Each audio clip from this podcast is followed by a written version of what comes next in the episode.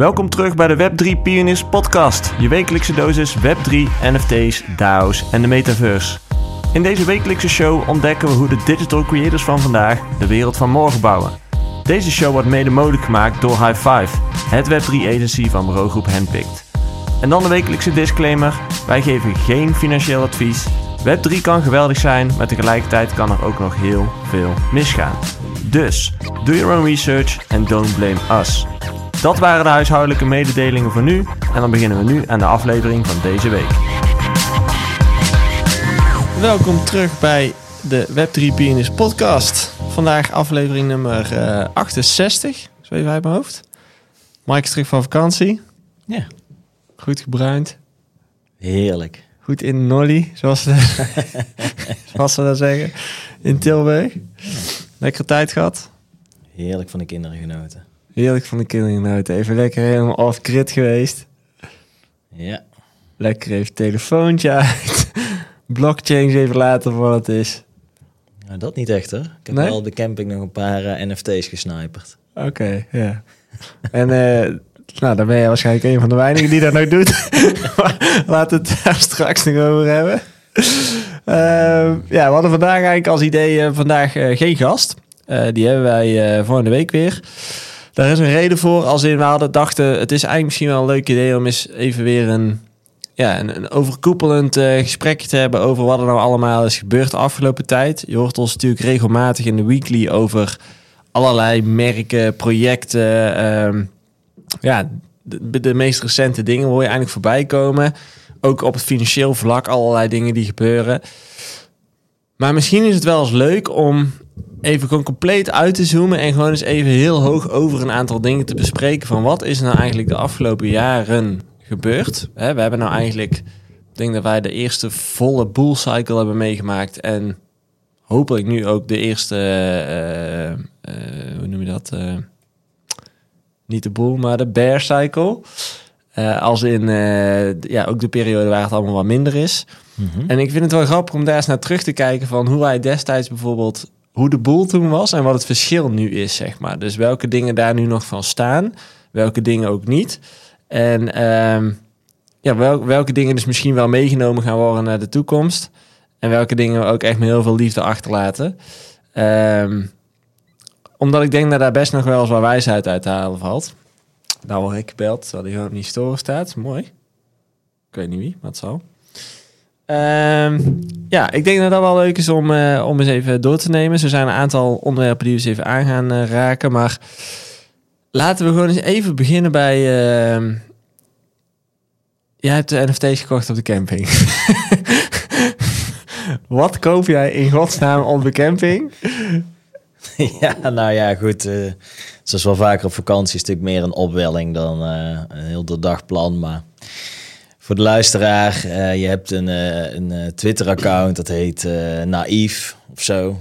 En dat is een account en dat, dat plaatst echt gewoon één of twee keer per dag gewoon grappige filmpjes, plaatjes, parodieën, quotes over eh, ja, wat, er, wat er een beetje in cryptoland gebeurt die dag. Mensen die actief zijn op Twitter, die herkennen misschien wel dat eh, het voelt altijd een beetje als een soort dorpsplein. En iedereen die roept daar maar wat. En ehm, ja, de ene dag eh, dan heeft iedereen het over A en de andere dag heeft iedereen het over B. En hij, eh, hij, hij of zij, ik weet het eigenlijk niet, gaat er op een leuke manier mee om. Maak memes, toch? Ja, dus ik, eh, ik had zo'n tweet van hem eh geretweet, doorgestuurd. Ze kregen in één keer een berichtje. Maar Ike. En eh, dus ik, ja, weet ik veel, ik zit gewoon voor mijn tent. Dus ik stuur terug, naïef. En hij zo, ja, eh, thank you for retweeting. En eh, ik stuur zoiets van, ja, you can make my day. Want ik, ik moet af en toe best wel lachen om die, eh, die dingen die hij maakt. Dus opeens stuurt hij, Mike, do you have a pixel cat? Dus ik zeg, ik zeg what's a pixel, Pixel Cat. cat? Dus Ja. hij stuurt mij een linkje door van een of andere collectie op OpenSea... wat hij blijkbaar heeft uitgebracht. Pixel Cats, is dat hem? Ik, weet, wel, ik weet het eigenlijk niet. Maar die, eh, ja, echt de meest eh, lelijke kattenplaatjes eh, die hij daar dus eh, verkoopt. Maar dat, ja, voor hem kan dat best wel gewoon een verdienmodel zijn. Dat is een beetje het community effect. Hij, hij doet Ja. dit gewoon voor de lol, hij houdt er plezier uit. Ja. Ik moet er af en toe om lachen. Nou, die dingen die kosten volgens mij 50 euro of zo. En, maar hij was een beetje bij mij aan het praten. De, de manier ook hoe hij typt, ik dacht echt van, ja, zit een vleugje Indië of eh, Afrika of iets aan of zo. Ik dacht, laat ik die jongen eens een plezier doen. En koop gewoon een pixelkat van hem. Nou, Dus ik heb een, eh, een naïef cat. oké. ja.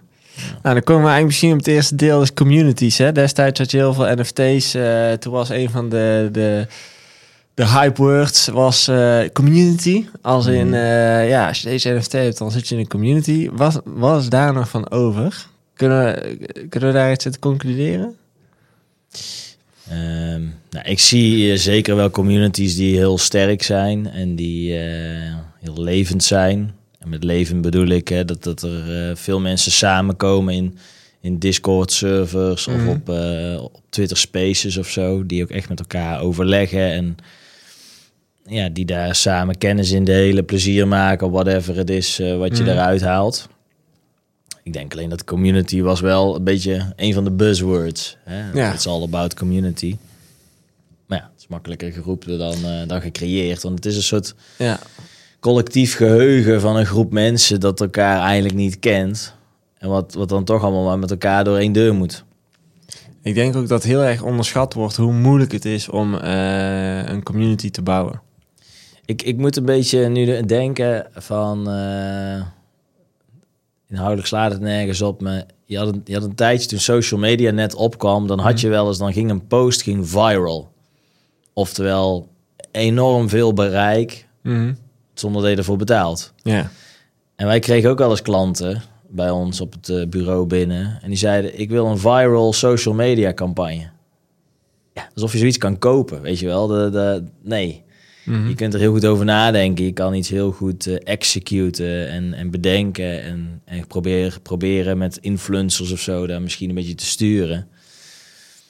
Het is, eh, het is zeker geen eh, gegarandeerd iets dat je zomaar ja, kan kopen dat iets viral gaat. Of zo. Wat is dan de link met communities? Dat je dat niet kunt kopen.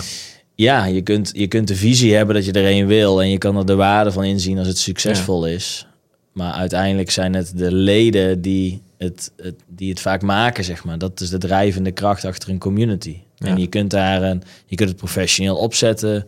Je kunt laagdrempelig maken om in te komen. Je kunt er goede moderators in hebben die het gesprek gaande houden, die spam en bots en alles Ja. eruit houden. Eh, maar uiteindelijk ben je heel erg afhankelijk van de, de leden die erin zitten. Want het is echt een dagtaak. Hè? Ik- Ik vind eigenlijk een van de communities die ik dan wel ken en die enigszins nog echt actief is. En die we destijds ook zelf beleefd hebben. Dat was die van V-Friends van eh, Mhm. Gary Vaynerchuk. Die zullen Ja. de meesten wel kennen. Dat is die eh, social media marketing eh, guru uit Amerika. Mhm. Ehm, die community is echt wel gewoon levend. Als in, daar zitten mensen uit de hele wereld die zich identificeren met die, die NFT's, zeg maar. Die hebben dan bepaalde emotionele eigenschappen. Dus adaptive blabla of zo. En dan zit er een dier aan vast. Mhm. Ehm, maar wat je heel erg merkt, dat die mensen elkaar wel blijven opzoeken. En dat ze wel gesprekken blijven voeren. En dezelfde normen en waarden hebben. En dezelfde visie over hoe ze naar het leven kijken. En dat vind ik nou wel grappig om te zien. Ehm, bij Nike, die artefact, zit toch ook nog wel wat activiteit in. Aanzienlijk minder als eh, ja, in de boelmarkt. Ik denk wat je dus ziet is, het, het moet of een heel groot platform zijn. Mhm. Hè? Dus je, je noemt al zo'n V-Friends of een, of een Nike. Dat zijn best wel grote dingen. De, de community van Tomorrowland, daar zit ik zelf in, is ook best wel levendig. Maar dat, dat zijn honderdduizenden Ja, eh, mensen, zeg maar. Dus als daar een, een fractie van, van één- actief is, dan, 1% actief is, dan is het al best veel. dan, dan heb je het gewoon eh, goed voor elkaar. Aan de andere kant, wat je ziet, is denk ik, zijn vaak echt heel erg van die niche eh, Mhm. dingen. Ehm, Ja, maar als je dan kijkt bij mijzelf dan, los van NFT's. Ik heb ook een community op Discord, daar zit Mhm. 500 man in. Ehm, ja, er zijn er denk ik een stuk of vijf tot tien inderdaad die echt dagelijks aanwezig zijn. Dus die echt gesprekken voeren en Mhm. constant eh, ja, daar zijn, zeg maar. En die anderen, geen idee. Of ze überhaupt kijken. Echt geen idee. En dat is denk ik inderdaad bij heel veel van die communities. Ze zijn- Het zijn meer een beetje lurkers dan eh, mensen die echt bijdragen daarin. Ehm, maar ja, communities, NFT's, ja, denk ik. Als in, ik vind dat token-gated access verhaal vind ik nog steeds wel sterk. Dat je met een, met een ja. token toegang krijgt tot een bepaalde exclusieve kamer, om het zo maar te zeggen. Het is gewoon een member pass. Je, Ja, precies. Had je ook, eh, Ja, en dat is het deel eh, wat we allemaal al heel lang kennen. En wat nu dus gewoon dig- gedigitaliseerd is en verifieerbaar en onvervalsbaar. Nou, Ja. zwaar. Ja. Makes sense. Dat, ik denk dat dat echt meegenomen gaat worden in de toekomst. Ehm, maar echt het community-community deel als in... Het, het niet zo niche maken, zeg maar, daar, eh, daar zie ik niet zoveel in.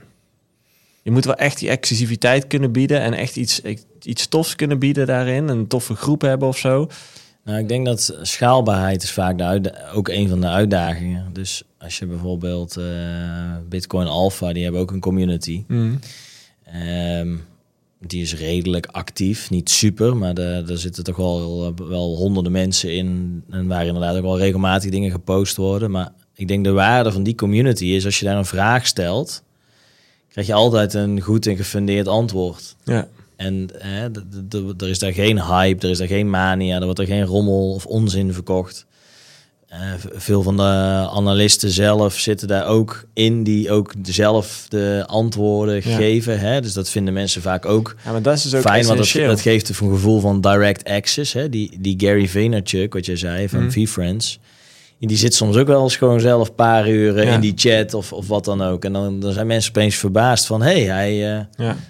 Eigenlijk wel grappig, want eh, wat nu heel, eh, heel relevant is de laatste week... is dat Friends.tech, die Mhm. website... ja. eigenlijk doet dat soort van hetzelfde. Je hebt daar de, de handel, maar eigenlijk wat het biedt is access. Hè? Want doordat je een Mhm. aandeel koopt van iemand, kun jij chatten met iemand. Dus weer die exclusive access, zeg maar. Ik zie daar wel echt iets in zitten. Maar dan is het wel heel belangrijk dat jij als ja, maker, creator, eigenaar... daar zelf dus ook wel echt bent, zeg maar. Want anders, ja... eh, Ja, dan, dan, voelt raar of zo. Dat je een community hebt waar je zelf niet aanwezig bent.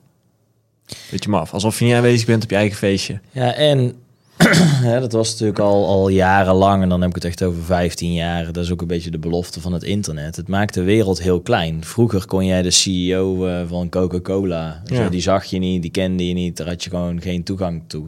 En nu kun je op LinkedIn of Twitter Ja. of waar dan ook, waar die man eh, zit, kan je hem een berichtje sturen en bestaat de kans dat hij reageert. Ja, zeker. En, en je ziet- artiesten ook best veel. ja, en je ziet ook steeds vaker, denk ik, dat eh, merken en, en vooral leiders, denk ik, hè, CEO's en zo, die beginnen ook door te krijgen dat die mate van toegang, hè, je hoeft niet overal op te reageren altijd, maar gewoon af en toe dat je daarvoor eh, gewoon even een moment neemt, dat dat belangrijk is. En dat hoeft allemaal niet gefilterd te zijn door eh, communicatieafdelingen en PR-specialisten en wat dan ook. Nee, ju- gewoon- Juist niet, denk ik. Want Nee, dan, maakt, het, dan maakt het minder authentiek, authentiek en dan wordt het een probleem. Dus dat, eh, ja, Oké. Nou, dan heb je nog die utility kant. Hè? Dus eh, je koopt iets en daardoor krijg jij eh, iets. Ehm, die iets kan zijn eh, toegang tot een evenement, een item, een schoen, een shirt, en, en noem het maar op. mhm. Ja, het lastige wat daaraan is, wat destijds veel belo- beloofd werd, toen alles helemaal hype was, was lifetime utility. Mhm. Ja, dat is toch wel echt iets waarvan ik denk, vergeet het maar. Als in, het is vrijwel onmogelijk om gewoon lifetime utility te kunnen bieden aan iets. Ja, ik denk dat veel mensen onderschatten wat lifetime is. Echt gigantisch lang. En eh, als jij nu om iets geeft, dat wil niet zeggen dat je over 20 jaar nog steeds om hetzelfde geeft. Nee, en ik vind het lastige is, eh, het, het, eh, het lokt ook heel makkelijk eh, onvrede uit. Want op het moment Ja. dat jij een keer niet delivered, dan, dan gaan mensen jou daarop aanspreken. En dan eigenlijk implodeert dan het geheel vanzelf. Dus die, eh, dat, dat viel mij al vrij vroeg op, ook aan die V-Friends collectie. Dat was Mhm. toch een, eh, een hele succesvolle collectie in 2021 of zo, denk ik, dat die 2020, Ja, piek, 2021. dus ik denk 2021 zo, ja. En zij zei heel duidelijk, dit is voor drie jaar. We gaan drie Ja. edities doen van het congres. En deze NFT geeft is eigenlijk het toegangsbewijs voor alle drie die edities. Ja. En dan zien we wel. En dan zien we wel. En Ja. dat, dat is een duidelijke verwachting die je creëert. En daar kan je ook iets op, eh, op plannen. En dan, dan heb je ook het gevoel door wat je koopt. Achteraf inderdaad hele slimme zet, hè? Want hij, hij biedt inderdaad iets heel duidelijks. Ehm, want Lifetime, ja, als dit geflopt was, is... Ik ben bijvoorbeeld ook benieuwd, het eerste event waar wij waren... Ja, toen eh, Booming. ik ben benieuwd of dat tweede en derde event nog steeds zo booming zijn. Als in een heel groot deel van de markt is natuurlijk weg. Mhm. Die geeft er niks meer om. Dus ja, dan komt het toch echt op je community aan. Is iedereen bereid om een ticket te boeken naar Amerika, een hotel te boeken, Mhm. eh, terwijl alles al duurder is geworden in het leven? Ja, ik weet niet of dat iedereen per se eh, daar een paar duizend euro voor neer wil tellen om eh, te komen. Ook al is de toegang gratis. Ja, zie het maar voor elkaar te krijgen. Ja, en ik denk ook, wat denk ik ook wel meespeelt, is als zo'n event doorgaat, de mensen die daar komen, zijn per definitie andere mensen dan zeg maar die er allemaal waren geweest in een, in een hype cycle. Want Ja, als je vol in de hype zit, dan zijn er bij wijze van spreken drie keer zoveel bezoekers. Maar twee derde van het totaal zijn dan waarschijnlijk ook heel veel mensen die relatief nieuw zijn. Mhm. Dus die zijn veel makkelijker tevreden. Die, ehm, alles is nieuw, alles is leuk, alles is fun. Terwijl als jij zo'n event laat doorgaan en de opkomst is een derde van de mensen, dan die een derde die er nog zijn, dat zijn waarschijnlijk ook allemaal mensen met versta- verstand van zaken, diepgaande kennis, verwachtingen. eh bullshit radar eh, die eh, zeer actief is. Ja. Dus opeens moet je programma ook ijzersterk zijn. Ja. Nou ja, goed, dan ook bijvoorbeeld met, met zo'n Nike, hè, los daarvan, die, die zijn ook al, heb ik best al lange roadmap lopen. Mhm. Wat ik wel grappig vond, is dat waar het eindelijk mee begon, voor ons althans bij Nike, was die schoen. Ja, Ja, wij denk ik ooit wel benoemd ergens hier, crypto eh, kick. die crypto kick inderdaad. Ja, wat wij toen eigenlijk benoemden is toch eh, een goede twee jaar na data, denk ik, eh, realiteit geworden. hè? Hij gaat er komen. Hij gaat er komen. En met hij gaat er komen, dat betekent dat die digitale afbeelding die wij destijds gekocht hebben, die, die schoen, eh waren helemaal eh, ja, echt een heel metaverse ready schoen, zeg maar, met schermen erop en skins die je kunt kopen en helemaal te gek. Die hebben ze dus afgelopen week aangekondigd. Dat die eh geforged gaat worden. En dat betekent dat je hem dus in real life kunt gaan, eh, Ja. gaan dragen. Ja, dat is dus wel vet. Dat ik denk, ja, die gasten zitten dus niet stil. Je hoort er alleen gewoon anderhalf jaar lang niks van. Want ze zijn daar dingen aan het maken. Ja, waar ik echt van kan genieten is dat die hele mm, Nike sneakermarkt die ik helemaal niet ken, maar die gigantisch groot is, blijkbaar heb ik inmiddels geleerd. Daar gaan honderden miljoenen in. om. Ja, dat is echt groot.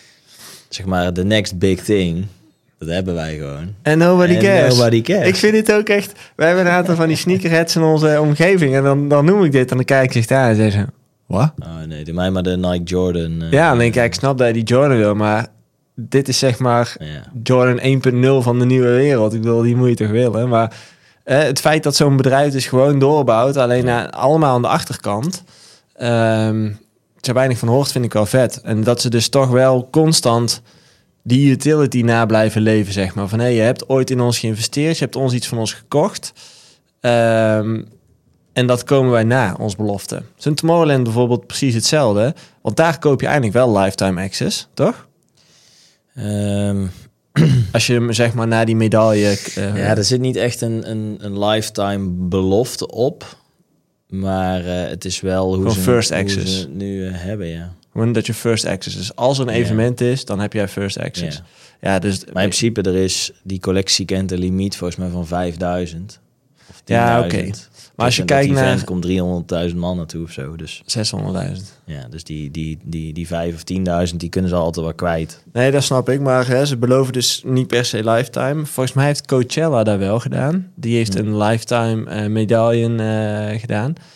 Ehm, ja, dat is ergens dus ook alweer een belofte die je wel constant na moet blijven leven. Maar dat is in ieder geval iets, mee, iets om mee te nemen. Hè? Dat, dat iets wat, wat ik denk wat veel mensen nu meegenemen in de toekomst. Die utility echt even goed doordenken. Dat als je iets gaat weggeven of iets van Mhm. be- beschikbaarheid of access geeft, willen we dit de rest van alle tijd blijven doen? Kunnen we dat blijven doen? Nou, we hadden het Eh, vanochtend nog heel even over, over eh, de collectie van Station 3. Dat is een, eh, Ja. dat is een soort coworking space in New York, op Wall Street uh, notabene. En als je dus zo'n NFT bezit, die zijn niet, niet goedkoop. Zo'n NFT is volgens mij 1500 eh, euro of zo. Maar wat daaraan vastzit, is dat je dus gratis gebruik mag maken van die coworking space. Ja, als jij Ja, freelancer bent in New York, volgens mij is coworking space echt niet goedkoop. Ik denk dat jij daar eh, onder die prijs niet heel veel gaat vinden. Dus je koopt zo'n NFT en waarschijnlijk heb je gewoon binnen een jaar of een half jaar of een maand, weet ik het, ja. heb jij het gewoon terugverdiend en de rest betaal je dus geen huur. ja, Ja, dat is no-brainer. als dit zo nog 10, 15 jaar doorgaat en, en, Ja. en die, die NFT's die, eh, die vinden een beetje zijn weg van India, Brazilië, Nederland naar alleen maar New Yorkers. Ja. Kan best zijn dat straks elke, elke coworking space gewoon vol zit met niemand die betaalt. Ja. Ja, en het is een Web3 eh, eh, locatie. Hè? Dus de, de bedoeling is dat daar coworkers gaan zitten die allemaal Web3-minded iets doen. Ja. Van kunstenaars tot Goed, de developers. vraag is uiteindelijk, eh, Gebeurt dat? heb je gewoon die token nodig en krijg Ja, je een precies, bureau en ja. internet. En Ja, volgens mij zitten er zelfs nog gratis koffie, thee, bier en wijn bij. Ja klopt. We gaan het zien. Wel een mooi idee. Ehm, Kopen honderd van die dingen en geven elke week een feest. ja, of niet? Gewoon heel die locatie volhouden. Dat zou helemaal mooi zijn. Andere ding wat denk ik wel echt levend gaat blijven, wat natuurlijk ook altijd al levend is geweest, is de collectability, dus gewoon verzamelen. Ja. De, ik denk dat daar eh, de CryptoPunks eh, een goed voorbeeld van zijn. Is dat zijn gewoon unieke objecten, eh, verzamelobjecten, die gewoon bepaalde waarde hebben door historisch, ja, historische waarde eigenlijk. Ja, ik vind een CryptoPunk zelf niet helemaal een goed voorbeeld. Want wat mij betreft is dat gewoon echt gewoon digitale kunst. Ja, maar het is toch verzamelen? Ja, oké. maar verzamelen denk ik zelf nog iets meer aan een postzegel. Ja, ja, eh, dat soort dingen. Maar, Eh, met verzamelen heb je men- ik, mensen verzamelen eh, Pokémon kaartjes, voetbalkaarten, Ja. Muntstukken, Precies. weet ik het, eh, sigaren, eh, hoesjes. eh. Ik denk dat dat wel echt iets is wat veel meer gaat gebeuren. Plus ook in het kader van gaming. Hè? Dus je hebt eh, nu een aantal van die Web3-games die best wel eh, groot aan het worden zijn. Niks in vergelijking met Roblox of zo, maar best wel flink. Ik denk dat verzamelen is natuurlijk ook gewoon objecten verzamelen in games. Dus eh, je zwaarden verzamelen of je badges verzamelen. Of eh, met steppen het aantal... eh, elke dag als je zo'n eh, ding hebt gehaald. Mhm. Zoiets. Ik denk dat dat dus ook wel echt ehm, iets is wat, wat mensen constant zullen blijven doen en waarin geëvalueerd gaat worden. Ja, die kunst wat je al zei, hè, van CryptoPunks is eigenlijk meer kunst. Zo heb je een aantal andere projecten. Mhm. Dat is dus ook wel echt iets wat mij, vooral na de aantal evenementen die we hebben bezocht, duidelijk is geworden. Dat die high-end art, die, die ehm, eh, hoe noem je het? Ehm, generated eh, art. Mhm. Dat dat dus ook echt wel iets is waar gaat blijven. Ja, generatieve kunst. Hè? En, en dan heb je volgens mij nog verschil tussen kunst wat de algoritmes zelf verzinnen of wat zeg maar gewoon een artiest zelf maakt aan de hand van computercode, maar in ieder geval digitale kunst. Ik geloof, en ik denk dat, dat, dat, dat de markt dat eigenlijk al bevestigd heeft, al zullen veel traditionele mensen uit de kunstwereld het misschien nog niet zo erkennen, maar ik zie dat wel gewoon ook als misschien jongere persoon. Eh, digitale kunst is gewoon een nieuwe kunststroming, punt. En dat blijft. Mhm. Dat was er ook al, alleen er was geen manier om het eigenaarschap ook Ja, vast te leggen. Nou, dat biedt NFT's. Dus die combinatie van digitale kunst wat er al was, combineer dat met NFT's en bam, da- daar is dan het al. al. Ja.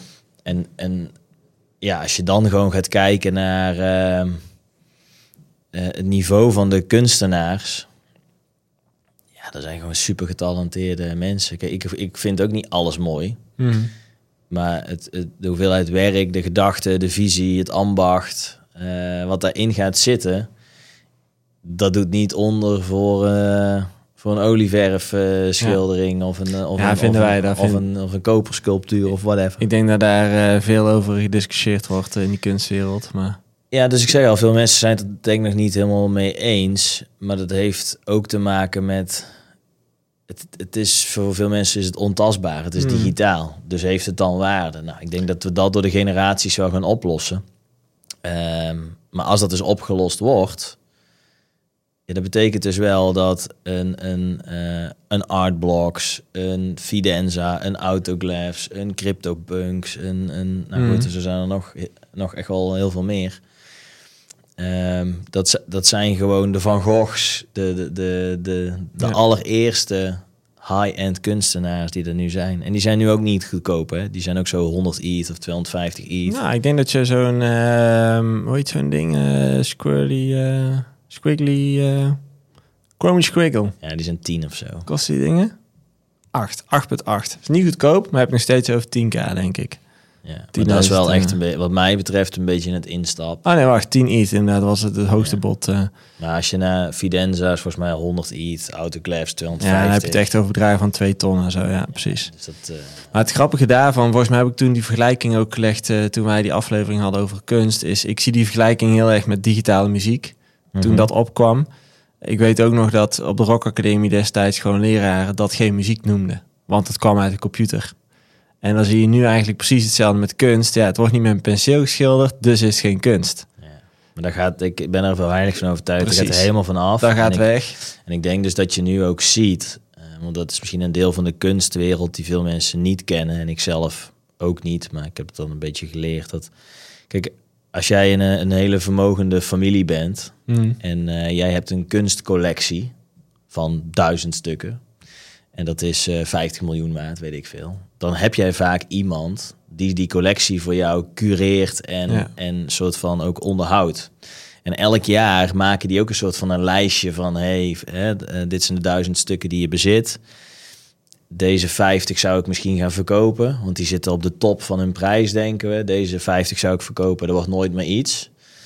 Oké, dan hebben we dus eigenlijk plek voor 100 nieuwe stukken. Ja. En we hebben daar een budget voor van 5 miljoen. Wat ga je dan kopen? Ja, dan hè, als je een beetje visionair bent en een beetje wil differentiëren in je, in je Ja. collectie, dan ga je gaat er waarschijnlijk steeds vaker komen van nou, misschien moeten we ook een keer een CryptoPunk of een Fidenza of iets opnemen in de collectie. Zoveel van die dingen zijn er ook niet hoor. Als je kijkt Nee, naar eh, hoe groot zo'n markt is. Dus eh, ook daar zul je denk ik heel snel de schaarste gaan. eh, Maar dat is denk ik ook wel weer een beetje de, de huidige vibe die je in allerlei markten begint te voelen. Ook in de financiële markt en zo. Is dat iedereen steeds meer begint te neigen naar, weet je waar, misschien moeten we gewoon een klein beetje van alles wat we hebben toekennen aan die Web3-wereld. Dus laten we een klein beetje van onze financiën in crypto houden. Laten we een stukje bitcoin kopen op de balans. ja. Eh, als we kunst hebben, laten we dan één of twee stukjes eh, Fidenza en CryptoPunks kopen tegenover alle Picasso's die we al hebben. Eh, het is gewoon een stukje, het, wordt een, het, lijkt wel een on- het lijkt een onderdeel van de balans te worden, zeg maar. Dus het, is een, het heeft een klein aandeel en dat is Mhm. prima, want het heeft een hoog risico. Ja. Maar je merkt wel dat de mindset aan het shiften is naar, er is daar iets en daar kunnen we snel vroeg bij zijn. Eh, maar goed, kan ook nog naar nul gaan, dus laten we niet al te gek mee gaan. En dat ze dus allemaal zeggen, we doen gewoon van 0 tot 5 procent ergens zo. Pakken we een, eh, een stukje hier, een stukje daar.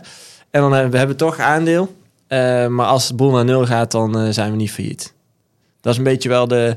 Dan merk je... eh, Gisteren kwam er ook dat nieuws naar buiten. Ik weet niet of het überhaupt al bevestigd is, maar eh, iets met die banken en zo, weet je wel, dat die ook iets van 1 of 2 procent in Europa, dat banken voortaan 1 of 2 procent mogen aanhouden in bitcoin. Mhm. Ik zeg al, ik weet niet of dit al bevestigd is, maar ik zag het voorbij komen. Nou, als dat is, dan is dat zoiets vergelijkbaars. Zo van, nou, een bank heeft zoveel triljoen. Ja, en ik, denk, eh, en ik denk dus de, zelfs, ik zou dan, maar ik ben een heel erg optimist, ik zou misschien nog een hele kleine nuance aanbrengen in wat jij zegt. Ik denk dus dat de markt er inmiddels van overtuigd is, er is daar iets en het gaat niet naar nul. ja, dus- precies. ja. Ik denk eerder dat ze zeggen, hey, eh, een bitcoin of een Fidenza, dat gaat echt niet naar een miljoen, weet je wel, de, van dat kan toch niet? ja, maar naar nul gaat hij ook niet. Maar, na- maar naar nul gaat hij ook niet. Ja. En we zitten nu in, in, de, in de bear market van de cyclus. Dus als we nu inkopen, dan gaan we er nooit heel veel op verliezen.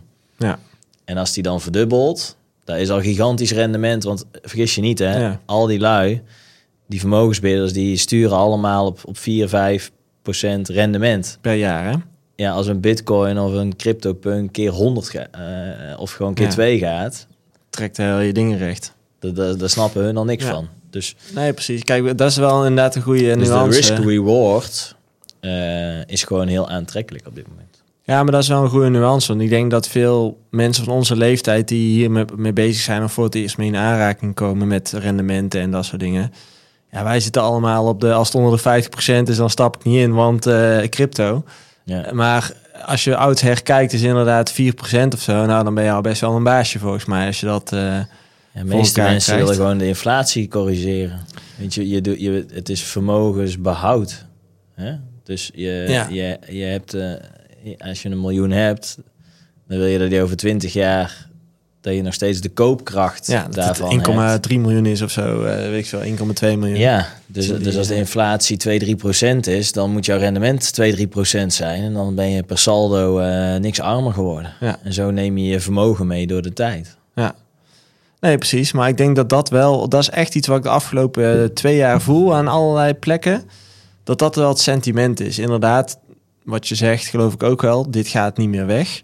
Dus we moeten hier iets mee. Maar laten we het vooral niet te groot en risicovol gaan aanpakken. Een klein stukje rendement. Want als het inderdaad wel keer 100 gaat... Wat kan met er- NFT's en wat kan, erbij zijn. dan wil je erbij zijn. En ehm, dat is wel interessant om te zien, vind ik. Ehm,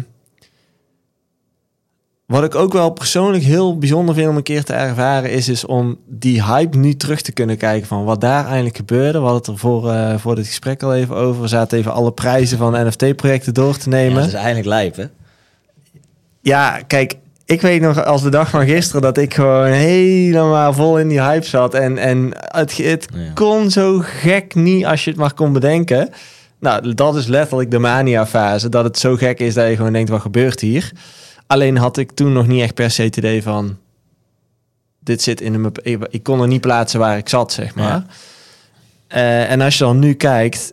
Ja, dan zie je wel het verschil tussen een boel en een bear market qua mania. Gewoon nul... eh, nou, het bloedt eigenlijk allemaal leeg, hè? Dus eh, ja, projecten die eerst... nou, ik zal eens even...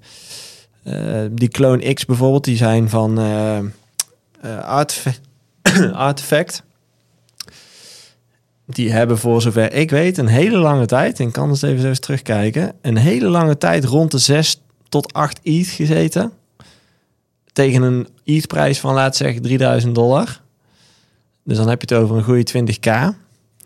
Nu, special price, my friend, 1,15 ETH voor, ja, een ETH staat op 1600 dollar of zo nu. Dus dan zit je, nou, pak een beetje 1800 dollar, is die voor jou.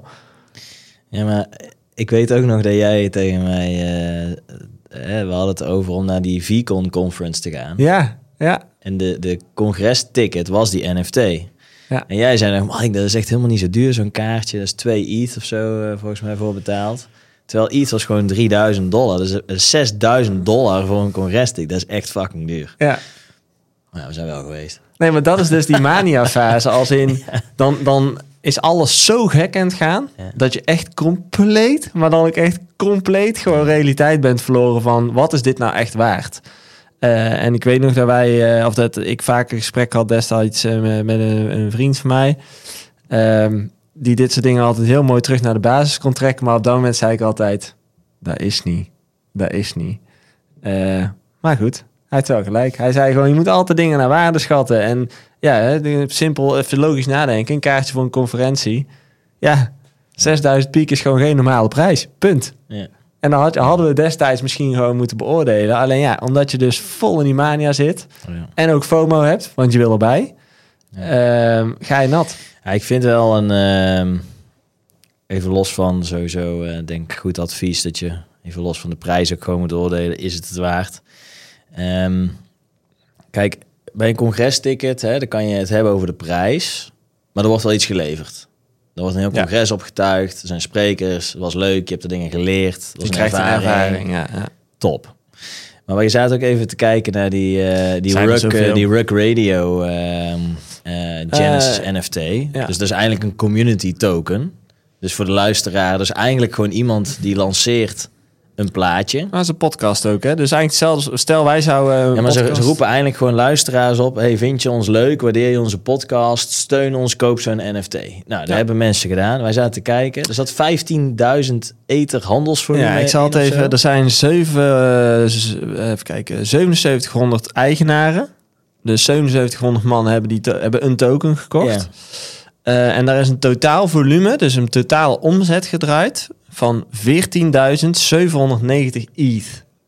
Ja, dus Nou, laten we even de- 3, 4000. Laten we even de gemiddelde ETH-prijs van 3000 pakken. Als we dan even de hoogste en de laagste, nou, pak een beetje 7. Dan heb je het over een omzet van... Oh, kak.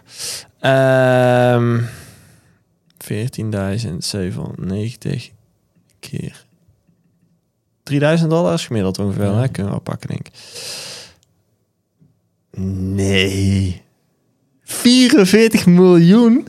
Ja, en er zijn dus... dus, dus, dus Niet. maar er is dus een... Wacht, een dit, ga- die een ga ik gewoon die- nog een keer doen. Maar dat is gewoon een gast die heeft gewoon een podcast die gewoon oproept. 44 Steun, steun je mij, Mike. koop een... eh Nou, laat er 30 miljoen van maken. Daar wij even die, de eatprijs we hebben die gozer een paar keer ontmoet. Hij lacht altijd. Die man is altijd blij. Nou kun je wel hele snappen waarom. vrolijke, hele vrolijke gast. En het mooie is, ehm, dit is dan één NFT van hun, hè, want ze hebben, ze hebben verschillende. Maar dit is dus wel aan te geven van die mania, dat Ja. destijds, als jij dus, hun waren, of hun zijn nog steeds wel een van de grotere podcasts in die, eh, in Ja, die scene. tuurlijk, ja. Maar als jij dus in die fase, dus dan wil iedereen wil gewoon eh, daarbij zijn. En dan, kost, dan kost zo'n token misschien eh, 0.1 of 0.2. Maar goed, doe dat keer 7000. Mhm. Ja, dat is, dat is te gek gewoon. En als je daar nu dus naar terugkijkt, denk je... Ja, wat, wat is daar gebeurd? En dat is met die apen eigenlijk ook, hè? Want als we daar even naartoe gaan, eh, die Board Apes... Is ook mooi trouwens dat heel eh OpenSea weer echt eh, kapot is aan alle kanten. Krijg constant foutmeldingen. En die zijn nu 22 ETH of zo. Die kwamen van 150 af, denk ik. Ik weet niet waar, waar ze op het hoogste punt zaten. Daar vroeg ik me eigenlijk af. Weet jij dat wel? Ja, ik denk 150, zoiets. Ja, ik denk inderdaad op het allerhoogste punt dat je daar wel ergens op uitkwam. Ehm ja, OpenSea eh, laat mij echt volledig in de steek op dit moment.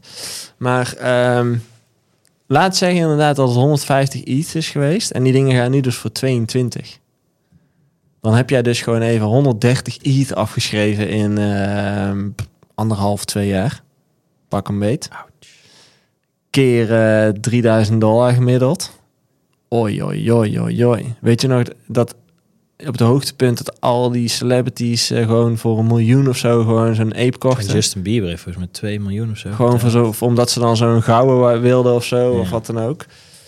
Ja, dat zijn toch wel... eh, dat, nu kan ik pas echt goed inzien wat die mania is. En ik hoop, ik hoop dat de volgende keer, als het nog gebeurt, dat ik het herken. Ehm, je zou eens denken, dat moet wel. Want het is echt wel bizar wat er dan gebeurt. Maar ik vind het wel mooi om, eh, om dan beide een keer meegemaakt te hebben. Dat je nu dus ook gewoon echt terug kunt kijken en kunt snappen van... Wow, dit is het verschil. Want nu gebeurt er eigenlijk gewoon niks. Hè? Eh, er gebeurt heel veel aan de achterkant. Je hoort ons in de weekly vaak... eh, Weet je waar ik heel benieuwd naar ben? mhm.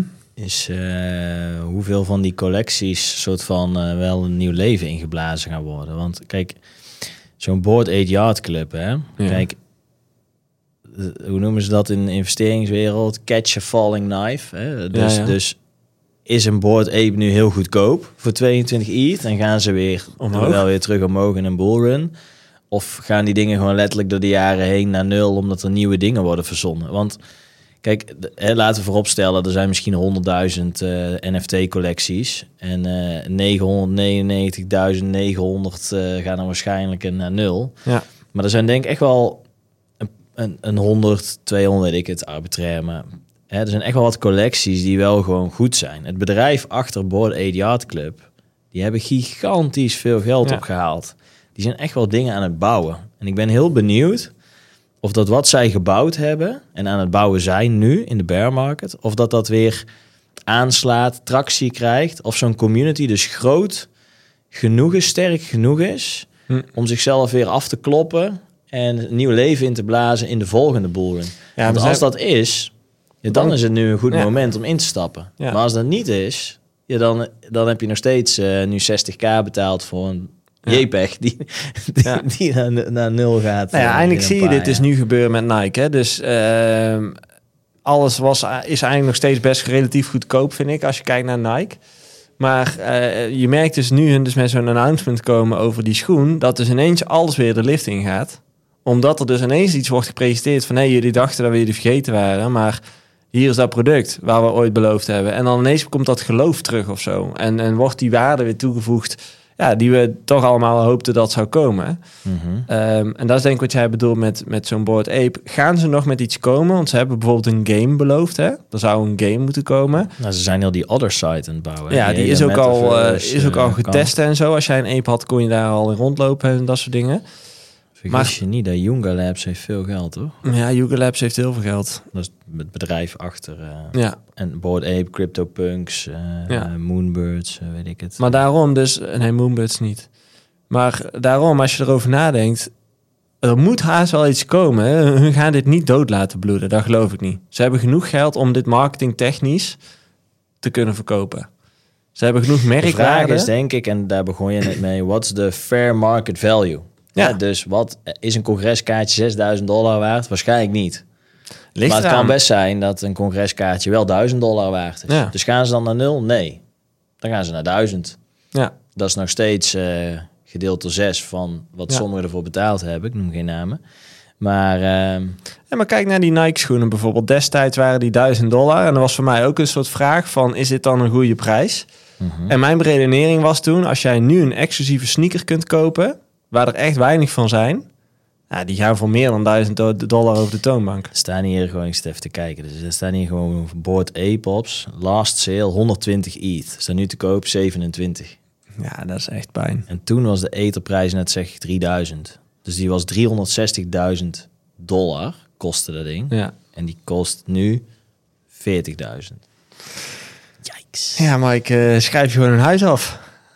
In anderhalf jaar tijd. Had je gewoon cash kunnen afbetalen. Nou ja, het is natuurlijk heel veel, eh, hoe noemen ze dat? Paper gains. Hè? Dus het is allemaal fictieve winst. En ehm, als je het niet neemt op de piek, als je niet verkoopt, en dan rij je hem ook gewoon weer terug eh, naar nul. En, Zeker. en eh, weet je, het pijnlijke is, dat, dat vergeten veel mensen.